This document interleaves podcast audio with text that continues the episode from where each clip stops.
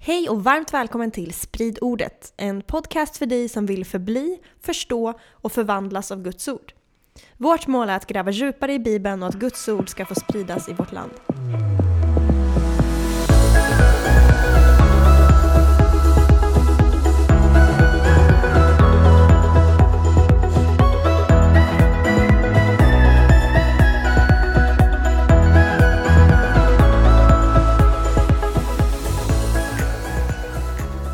Det är dags för ett nytt avsnitt av Sprid ordet. Så kul att ni lyssnar. Varmt välkomna tillbaka. Woho! Och där kanske ni hörde en liten bebis. det var inte stageat. Nej, men jag ska bara säga, jag är så sjukt taggad Jenny på att göra det här med dig. Det är så roligt. Alltså, så roligt alltså. Yes, Ja. superkul. Eh, vi, vi kör en till bibelfrågor, eh, ett till bibelfrågor-avsnitt. Ni har skickat så sjukt många bra frågor. Och eh, ja, ska jag hoppa rakt in eller? Eh, ja, varför inte? Ja, vi sparar tid. Vi kör. Vi, ser hur många frågor vi hinner med idag. Ja, Mm. men jag tänker jag ska börja med att läsa två frågor av samma frågeställare. Eh, och den första frågan är Blev alla de som trodde på Gud under Tanakperioden rättfärdiga inför Gud och medarvingar i Guds rike, likt dagens kristna? Och Tanakperioden är ju det är någon som har lyssnat på oss vi- du, brukar, du brukar ju säga att du inte gillar när man säger Gamla Testamentet. Nej, och sen använder jag det själv också ibland, bara för att jag vet att eh, om det är en ny lyssnare som lyssnar och inte har avsnitten i bakgrunden så kommer de inte fatta vad jag Ja. snackar om. Men Tanakperioden är alltså Gamla Testamentet. Ja, Och eh, fråga två är då, blir dagens judar som inte tror att Jesus är Messias rättfärdiga och medarvingar till Guds rike likt Abraham? Bra frågor. verkligen. Men, eh, ja, men ska vi börja med den första frågan då? Det låter rimligt. Du är så smart. Ja, men eller hur? Och den, den frågan är spännande. Om jag förstår den korrekt är det väl lite så här, hur blir man, hur blir man rättfärdig eller hur blir man frälst innan Nya Testamentet? Ja, innan korset. Liksom. Ja, eller hur? Det är så jag förstår det. Liksom. Och jag tycker det är en bra fråga. Och det råder ganska, en del förvirring kring det hela. Så att om vi bara börjar med Nya Testamentet, då är ju frälsningen av nåden genom tron på Jesus Kristus. Det Mm. vet vi solklart. Liksom. Ja. Efesierbrevet 2, 8, Det är 9. liksom fortfarande så. Ja, precis. Du vet det här, ty av nåden är ni frälsta genom tron, inte av er själva. Guds gåva är det, inte på grund av gärningar för att ingen ska berömma sig. Mm. Så, och vi vet från eh, Nya Testamentet att Jesus är enda vägen till Fadern. Han är vägen, sanningen och livet. Ingen kommer till Fadern utan genom honom. Och då blir ju då lite frågan så här, vad var vägen innan Kristus? Ja. Och om jag ska säga svaret direkt så är det ju exakt samma som idag. Av nåden genom tron på Kristus. Men hur skulle man kunna tro på Kristus? Ja, precis. Vi ska paketera upp det här lite. Det är en rimlig fråga. ja, det är en jätterimlig fråga. Men jag, jag tror inte det finns två sätt att bli rättfärdig och frälst på, utan det har alltid varit eh, detsamma, liksom, av nåden genom tron. Eh, men sen så skulle jag säga att Nya Testamentet uppenbarar det då tydligt, liksom, att det är Kristus och att det är en tillit till Gud och hans frälsningsplan. Så jag skulle säga så här att ett vanligt missförstånd, det är att de som levde under det gamla förbundet, eh, gamla testamentet, Tanak, perioden, de judarna, ett vanligt missförstånd är att man tror att ju, de judar som var där blev frälsta genom att hålla lagen. Just det. Men vi vet från skriften att det här inte stämmer. Ja, för vi vet att de misslyckades med att hålla lagen. Exakt. Eller ja, jag vet i och för sig inte ifall de blev frälsta efter döden. Nej men, nej, men alltså, så här, som, vi, som vi antytt flera gånger tidigare i podden, så här, och jag kan göra det ännu tydligare här egentligen, men alltså, de blev ju inte räddade på grund av sina rättfärdiga gärningar. Nej.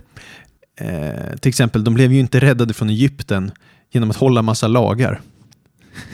Nej, det hann de inte med. Nej, utan de fick lagarna efter de blev räddade för att Mm. spegla Gud bättre. Och så här. Eh, och Galaterbrevet 3, Nya Testamentet då, 3.11 säger, ja du kan läsa det för oss Jenny, Galaterbrevet 3.11. Yes. Att ingen förklaras rättfärdig inför Gud genom lagen är uppenbart eftersom den rättfärdige ska leva av tro. Just det, och där citerar då Paulus Habakuk, profeten Habakuk. Som är i Gamla Testamentet. Ja, precis. Kapitel 2, vers 4. Där står det den rättfärdige ska leva av tro. Och det är ett citat som citeras i Nya Testamentet tre gånger. Och det handlar om att du blir rättfärdig genom att leva av tro. Mm. Och frälsning genom tron är principen genom hela Bibeln. Så, här.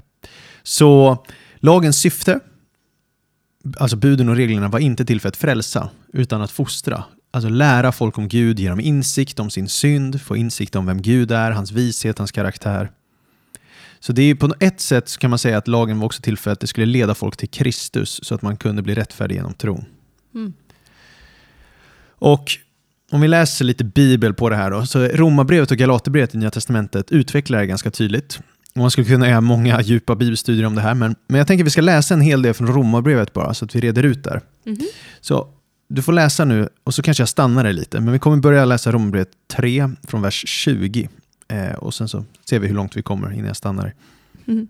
Ty ingen människa förklaras rättfärdig inför honom genom laggärningar. Genom lagen ges insikt om synd. Men nu har utan lagen en rättfärdighet från Gud blivit uppenbarad. En som lagen och profeterna vittnar om. Ja, lagen och profeterna vittnar om det. Lagen och profeterna, det är ett annat namn på Tanak, alltså de, Bibelns första 39 böcker. Ja. Ja, så att la, utan lagen har en rättfärdighet från Gud blivit uppenbarad, en som lagen och profeterna vittnar om. Alltså hela tiden Bibelns budskap pekar på det här hela tiden. Och vad är det för rättfärdighet som hela Bibeln pekar på? Vers 22. En rättfärdighet från Gud genom tro på Jesus Kristus för alla som tror. Ty här finns ingen skillnad. Alla har syndat och saknar härligheten från Gud och de står som rättfärdiga utan att ha förtjänat det av hans nåd, därför att Kristus Jesus har friköpt dem. Honom har Gud genom hans blod ställt fram som en nådastol att tas emot genom tron. Så ville han visa sin rättfärdighet eftersom han hade lämnat ostraffade de synder som förut hade blivit begångna. Under tiden för Guds tålamod. I den tid som nu är ville han visa sin rättfärdighet, att han själv är rättfärdig, när han förklarade den rättfärdig som tror på Jesus. Men vad kan vi då berömma oss av? Allt beröm är uteslutet. Genom vilken regel? Genom gärningarnas? Nej, genom trons regel. Vi hävdar att människan förklaras rättfärdig genom tro, utan laggärningar. Eller är Gud endast judarnas Gud? Är han inte också hedningarnas? Jo, också hedningarnas. Lika säkert som Gud är en, han som förklarar den omskurne rättfärdig av tro och den oomskurne genom tro. Sätter vi då lagen ur kraft genom tron? Nej, inte alls. Vi upprätthåller lagen. Okej, okay, så det var eh, ett längre stycke här. Men det det handlar om är att det började där med att det finns en rättfärdighet från Gud och det är genom tron på Jesus Kristus. Och det är vad hela Bibeln Mm. lär, Tro. säger Paulus här. Precis. Och, och den Bibeln lär då att alla har syndat, alla saknar härligheten från Gud. Ingen förtjänar frälsningen, men man kan ta emot den för att Jesus Kristus har frikänt och friköpt. Mm. Och Gud bevisar då att han är rättfärdig. Liksom, så att när, när folk fick sy- syndernas förlåtelse way back och allting sånt där, det var återigen på grund av vad Kristus skulle göra i framtiden och så. Så att allting hänger ihop så med Kristus. Men mm, om man bara förtydligar ännu mer så fortsätter Romarbrevet 4 där och förklarar liksom att okej, du blev inte frälst eller rättställd med Gud genom att hålla lagen. För om, om du läser vidare där Romarbrevet 4 då, så fortsätter där, eh, första fem verserna. Vad kan vi nu säga att vår stamfader Abraham har vunnit genom gärningar? Om Abraham förklarades rättfärdig på grund av gärningar, då har han något att berömma sig av, men inte inför Gud. Till vad säger skriften? Abraham trodde Gud och det räknades honom till rättfärdighet. Den som har gärningarna den som har gärningar att peka på får sin lön, inte av nåd utan som något han har förtjänat.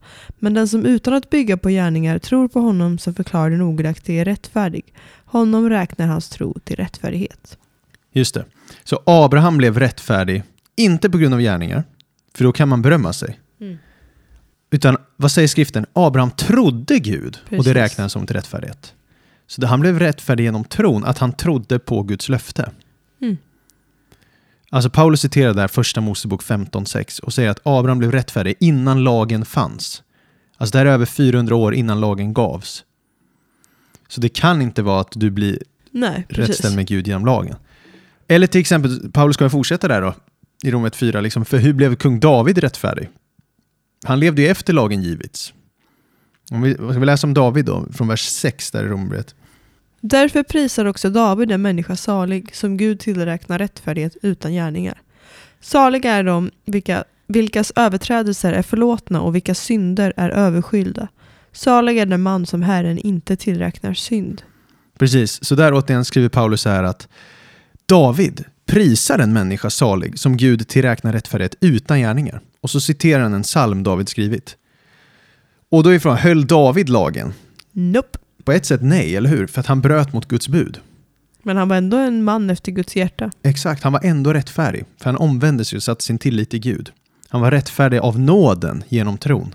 Mm. Han förtjänade inte förlåtelse. Han fick förlåtelse som en gåva för han litar på Guds nåd. Mm. Och då är det liksom så här hur Romarbrevet fortsätter att säga det handlar inte om du är omskuren eller oomskuren, alltså jud eller hedning. För att Abraham blev ju rättfärdig innan han omskar sig. Ja, för att det var ju där judendomen uppfanns på något vis. Ja, eh, ja, ja, Eller vad ja, man ska eh, säga. ja precis. Så att han blev ju innan det. Exakt. Och då blir ju Abraham då, som är fader, han var eh, fader för trons folk då kan man säga. Mm. Och inte bara de omskurna, alltså judar, utan Mm. även de oomskurna, för han blev rättfärdig medan han var oomskuren. Mm, men det är ju inte tro på Jesus som han visar tydligt. Nej, utan det, är var tro tron på... Herren, på Gud. Precis, precis. Men det var tron också på, på Guds löfte. Mm. Han trodde på Guds löfte. För om, om vi läser Romarbrevet 4 där, vers 13 och framåt, så ska vi se att om det kommer fram lite mer att han väntar på något sätt på Messias ändå.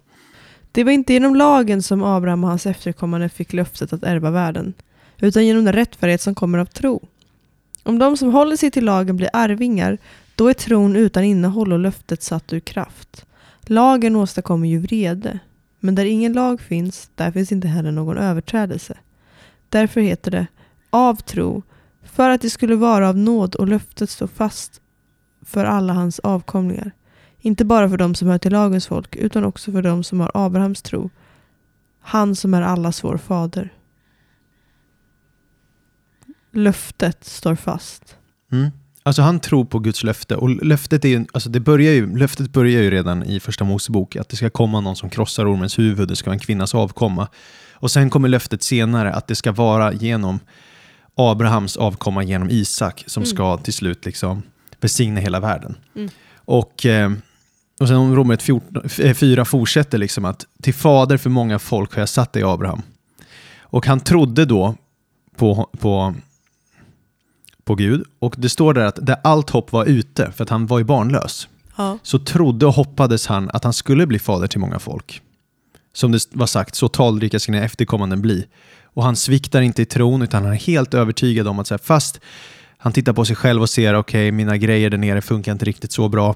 Eh, frugans grejer funkar inte heller så bra. Eh, och, och, han, och då står det att han ändå inte tvivlar i otro på Guds löfte, utan var starkare i tron och gav Gud äran. För han var övertygad om vad Gud lovat var han mäktig att hålla. Därför räknades honom till rättfärdighet. Alltså han trodde på Guds löfte om att det skulle komma, avko- eh, komma i framtiden som skulle välsigna hela världen. Mm. Så indirekt är det att säga att han trodde på Messias. Mm. Bara det är som att han trodde liksom på steget före. Ja, precis. Han visste inte hela kedjan, att det skulle vara ett kors och det skulle vara Jesus och Nej. allt vad det där. Men han visste att det skulle vara en del i frälsningsplanen. exakt, exakt. Samtidigt trodde han ju inte hela tiden heller.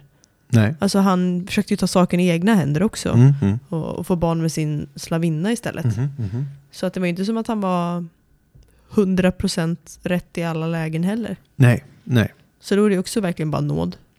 Exakt. Men, men det blir liksom ändå att i innan korset och allting, det var att alla frälsta, alla heliga, alla rättfärdiga inom Kristus litade på Gud Mm eh, genom tron.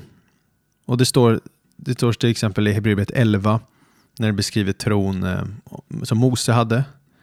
Eh, du kan läsa det nu också bara. Eh, Hebreerbrevet 11, 24-26 där. I tron vägrade Mose som vuxen att låta sig kallas faraos dotterson. Han valde att hellre bli illa behandlad tillsammans med Guds folk än att en kort tid leva i syndig njutning. Han räknade Kristi smärlek som en större rikedom än Egyptens alla skatter, ty han hade sin blick riktad på lönen. Så där står det att Mose levde av tro, eller hur? Och han var villig att lida för den tron. Och så står det där vers 26, han räknade Kristi smärlek. Ja, jätteintressant att författaren har skrivit så. Eller hur? Inte Guds smärlek något, utan Kristi. Alltså, Hebreerbrevet implicerar då att Mose trodde på Kristus. Mm. Eller hur? Mm. Så det är lite där konceptet kommer ifrån. Att, att lita på Gud är att lita på hans frälsningsplan och att hans frälsningsplan alltid infattat, innefattat att det ska komma en, en avkomma, en ättling från Abraham, från eh, kvinnan, liksom, eh, som i Första Mosebok 3, som en dag ska krossa ormens huvud, besegra döden och införa en evig rättfärdighet. Mm. Så det är ju spännande, eller hur? Sen, sen som du säger, de visste inte att det var Jesus från Nasaret eller sådär. Sådana grejer. Nej. Och då, det var inte det de blev ansvariga för, men det var om de trodde på Guds löfte. Så. Och det var det som avgjorde om de blev rättfärdiga eller inte. Men då är också en spännande fråga, är det skillnad på de heliga under perioden innan Jesus jämfört med de som blir det under Nya Testamentet? What you say? Ja, och här finns det lite olika åsikter. Så här. Jag lutar ju åt att, ehm, att det är skillnad. På och nu använder jag helgon som begrepp, liksom helig som tror på, eh, tror på Gud. Då. Att det är skillnad på helgonen innan korset och efter korset på ett sätt. Och vad menar du då? Ja, men alltså jag ska förklara då vad jag... Vad, Skillnad på vad? ja, jag, jag ska förklara. Om vi är de, läser ett är de längre? Nej, men lä- vi läser Matteus 11, 11 här. Och det är Jesus då som ska hylla Johannes döparen här. Amen säger jag er, bland de som är födda av kvinnor har ingen trätt fram som är större än Johannes döparen, men den mindre i himmelriket är större än han. Oj, vilket intressant uttalande. Väldigt mystiskt uttalande. Jaha, Fattar du? nej. Nej, han säger, Jesus säger så här, av, de, av alla människor som är födda av kvinnor, det är ju alla människor, Ja, har ingen trätt fram som är större än Johannes döparen. Aha. Okej, så Johannes döparen är Big enligt, guy. Mm. enligt Jesus liksom den största profeten någonsin. Större än Mose verkar det som, Mhm. alltså större än alla. Men den mindre i himmelriket är större än han. Och då menar du att det är de som har gått före? Eller va? Nej, nej, nej. Och då menar jag att, eh, eller menar jag, nej, men, eh, spekulationen är då att him, den mindre i himmelriket, det är alltså de som tror på Jesus sen, de som blir del av församlingen och del av himmelrikets medborgarskap på ett annat sätt med tron på Jesus.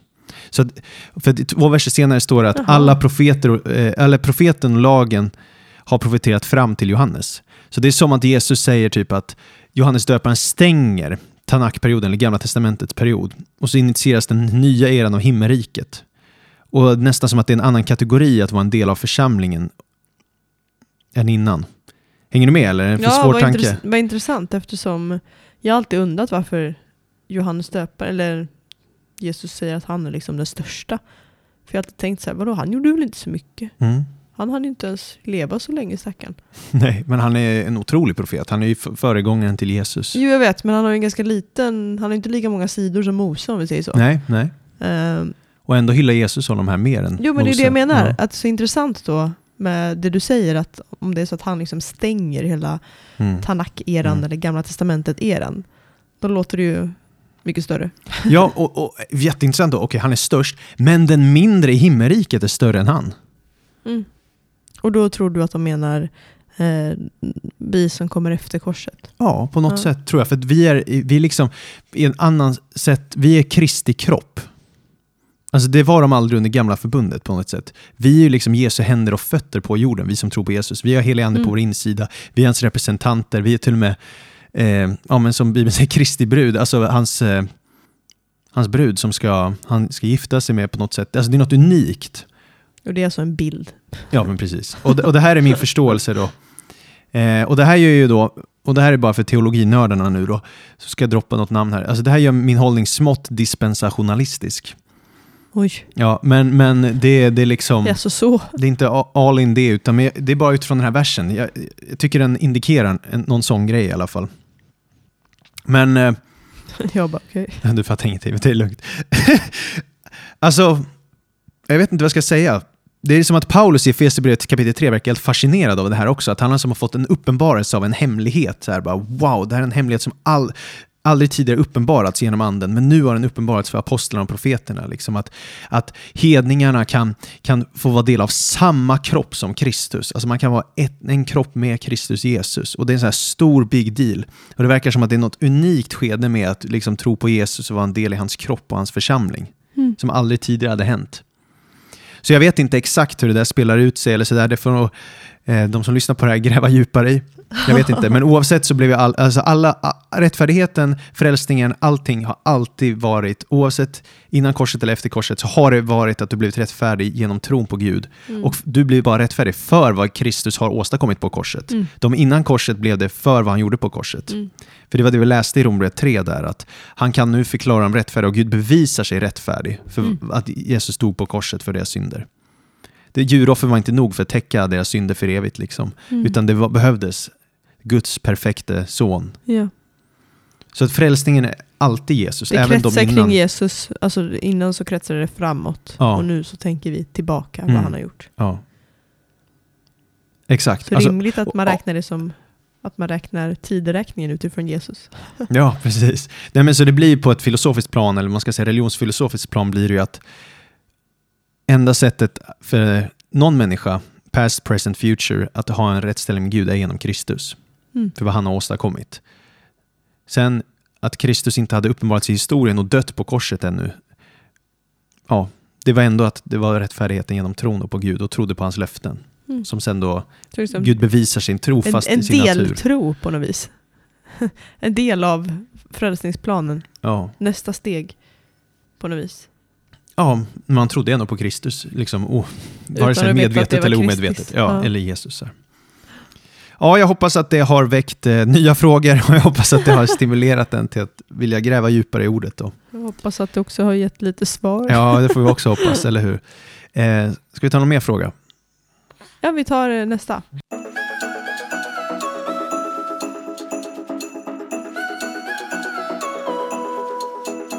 Yes, vi, jag läser den en gång till då.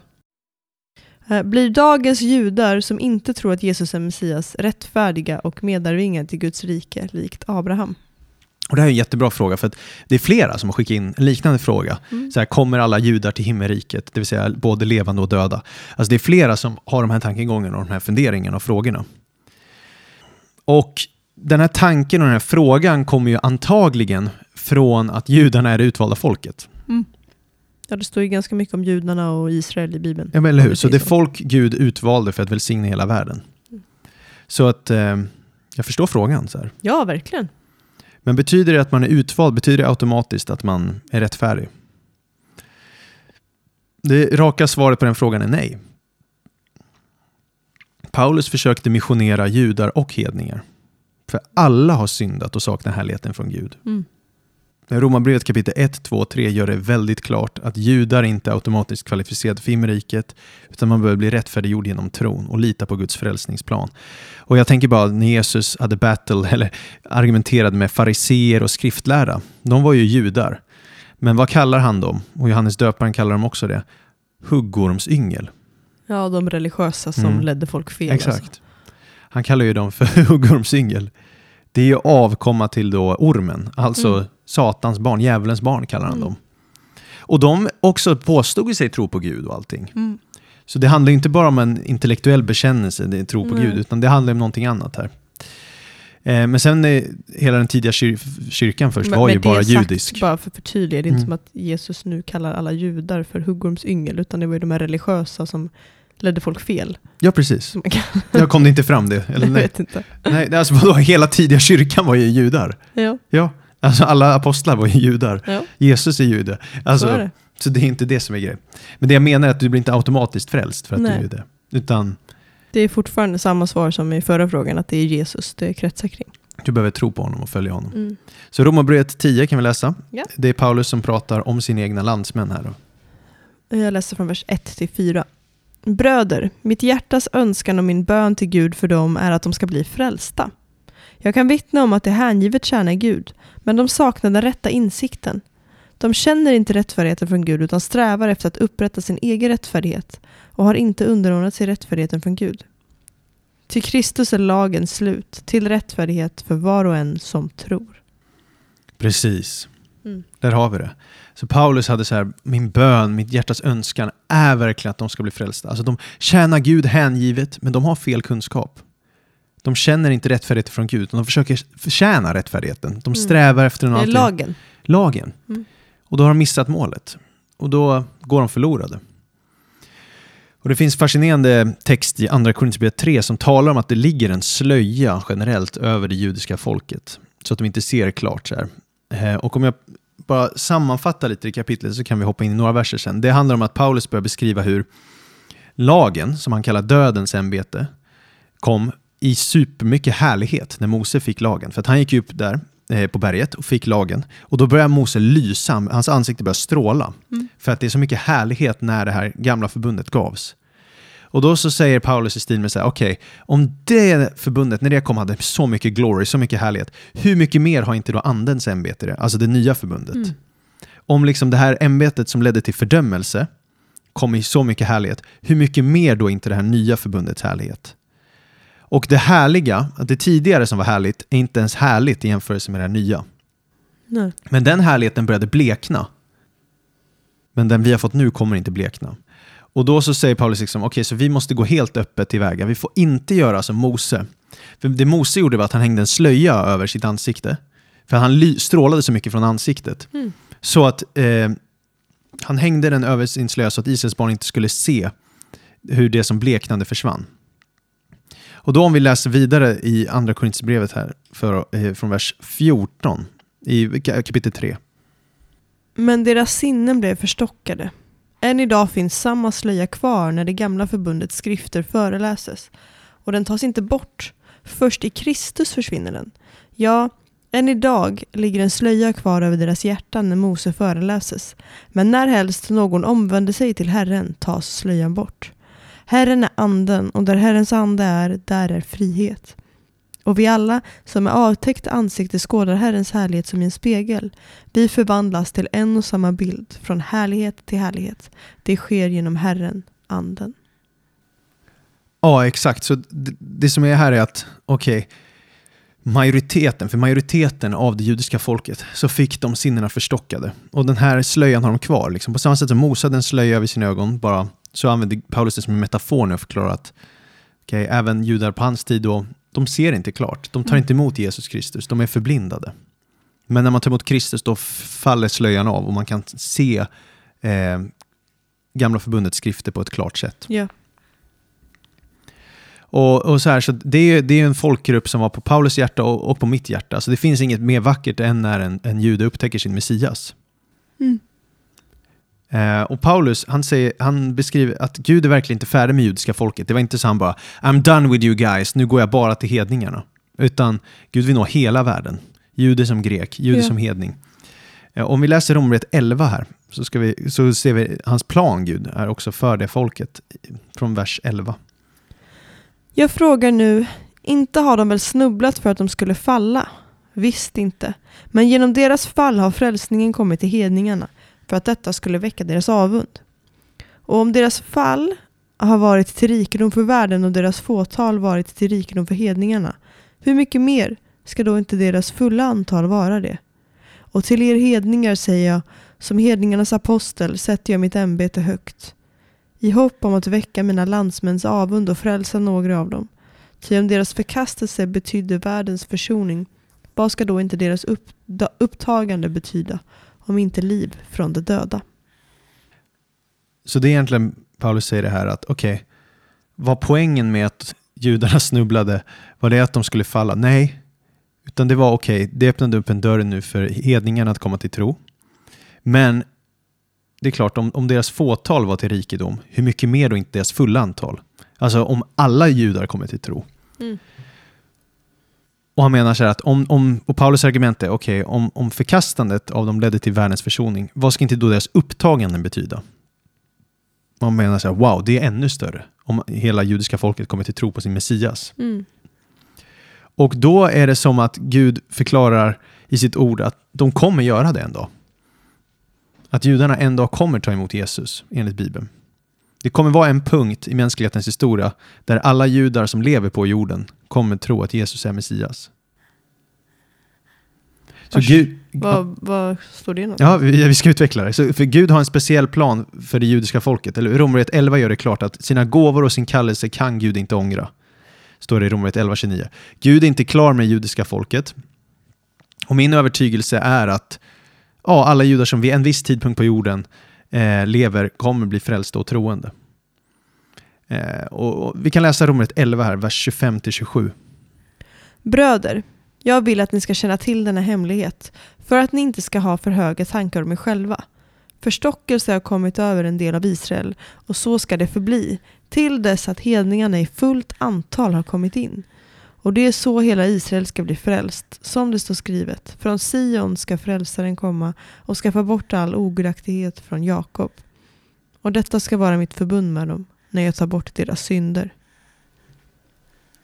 Okej. Hur många är hedningarnas fulla antal? Ja, det vet vi inte. Men, men, men, men alltså, Paulus berättar alltså en hemlighet här. Han säger det här är en hemlighet. Så att ni hedningar, ni ska inte vara för stolta, för högmodiga, ni ska inte tänka för mycket om er själva. Utan det är faktiskt så att det har blivit en förstockelse över Israel, över judarna. Och det kommer det vara. Till dess att hedningarna i fullt antal kommit in. Det finns alltså ett antal hedningar som ska bli frälsta. Och när det måttet är fullt, då kommer hela Israel bli frälst också. För då kommer Sion, eh, från Sion kommer frälsaren komma och skaffa bort all ogudaktighet från Jakob. Och det här ska vara mitt förbund med dem när jag tar bort deras synder, säger Paulus här. Och det här är liksom ett koncept av att en dag kommer då hela jordiska Israel, eller judiska Israel då, bli frälst ändå. Det verkar som det är utifrån Hosea 5.15 också. Och det verkar som att det här kommer ske under den sista tiden, under en vedermöda, en fruktansvärd perioden, period på jorden då, strax innan Jesu återkomst. Utifrån hur jag läser Bibeln. Mm. Vi kan kolla på det. Det är Sakarja 13, ser vi indikationer på det här. I Sakarja 13, det talar om den sista tiden då. Och det är fruktansvärd text egentligen på ett sätt, men också hoppfull text. Och det är vers 8-9 där. Det ska ske i hela landet, säger Herren, att två tredjedelar ska utrotas och gå under, men en tredjedel ska lämnas kvar. Den tredjedelen ska jag låta gå genom eld. Jag ska luttra dem som man luttrar silver, pröva dem som man prövar guld. De ska åkalla mitt namn och jag ska bönhöra dem. Jag ska säga, detta är mitt folk, och folket ska svara, Herren är min Gud. Så om jag läser den här texten korrekt då, det är att Herren säger att det kommer ske i landet, hela landet, att två tredjedelar kommer utrotas och gå under, men en tredjedel lämnas kvar. Den tredjedelen kommer gå igenom eld, luttras och alla de kommer sedan åkalla Guds namn och han ska bönhöra dem och han ska säga detta är mitt folk och de ska säga Herren är min Gud. Så jag förstår den här texten då. Du får säga mig om du tycker jag tolkar den konstigt, men det låter som att det kommer ske en massomvändelse i sista tiden.